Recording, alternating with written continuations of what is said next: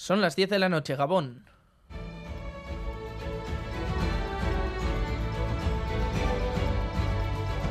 Radio Euskadi y Radio Vitoria. Servicios informativos. Repasamos los titulares de la jornada con John Fernández Gumur. Gabón, John. Gabón, Gary, noticias de este martes 6 de junio en el que hemos vivido un nuevo episodio en el pulso entre Erchañas y Gobierno Vasco. Varios cientos de agentes han llevado su protesta hoy a Busturia, a la reunión que allí mantenía el Ejecutivo. Y el consejero de Seguridad, Josué Ercoreca, ha destacado que ve a los sindicatos atemorizados por la plataforma asindical Erchañas en Lucha. Yo entiendo que los sindicatos expresen ese temor reverencial ante el movimiento sindical que ejerce una presión fuerte sobre ellos, que en ocasiones expresen diferencias radicales entre lo que comentan en privado y lo que después manifiestan en público. Ercoreca ha pedido a los sindicatos que abandonen el tono descalificador y ha asegurado que el gobierno quiere seguir negociando sobre la plataforma Erchañas en lucha. El consejero ha destacado que no sabe ni quién la integra ni quién la impulsa. Y el propio consejero de Seguridad ha admitido hoy errores en la protección de Mayalen, la mujer de 32 años asesinada en Vitoria, presuntamente a manos de su expareja.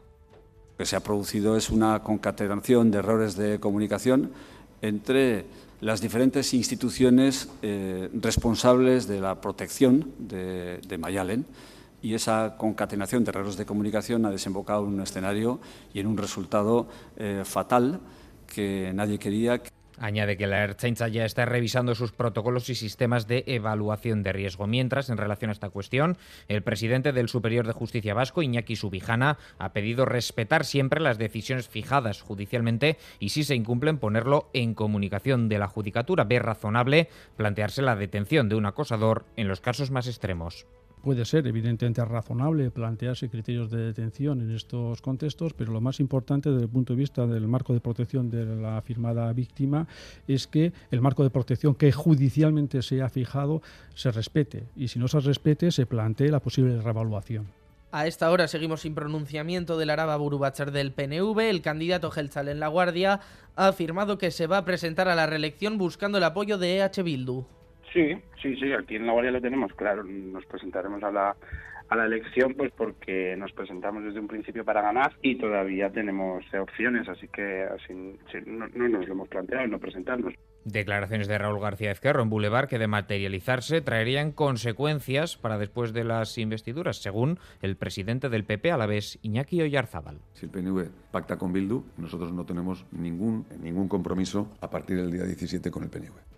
En Navarra, Gueroa Bay se queda la presidencia del Parlamento. Los socialistas aceptan la petición de sus socios, a los que María Chivite ha pedido también generosidad que el Partido Socialista cede la presidencia del Parlamento a Guero Abay, pero entendemos que esa generosidad, si queremos avanzar y llegar a un acuerdo, es una cuestión que debe ser recíproca, reconociendo también el papel, el peso y el apoyo ciudadano que las dos formaciones políticas hemos tenido en este resultado electoral.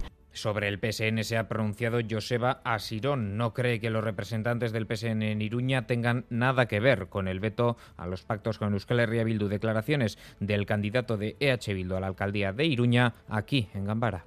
Yo creo que, eh, desde luego, de la gente del PSN que ha estado trabajando codo con codo con, eh, con nosotras y nosotros en el Ayuntamiento de Pamplona, no puede provenir este, este veto. No puede provenir porque durante cuatro años ha sido un, un trabajo eh, estrecho, coordinado, respetuoso y en página internacional miramos a Ucrania. Kiev y Moscú se acusan mutuamente de haber volado esta pasada madrugada la presa de Nova Kajovka. Hay que tener en cuenta que este embalse, uno de los más importantes en el río Dnieper, está en una zona en la que es el propio río el que marca la línea del frente. El presidente ucraniano Volodymyr Zelensky ha señalado que hace más de un año que la presa y la central hidroeléctrica están bajo control ruso, por lo que es imposible, dice, que ellos la hayan volado. La fractura de la presa ha provocado devastadoras inundaciones en la provincia de Gerson en unas 80 localidades. Decenas de miles de personas se habían marchado ya de allí por la cercanía del frente, de los que quedaban muchos ahora lo han perdido todo. Es todo, así terminamos. Más noticias en una hora y en todo momento en itv.eus y en la aplicación ITV Albisteac.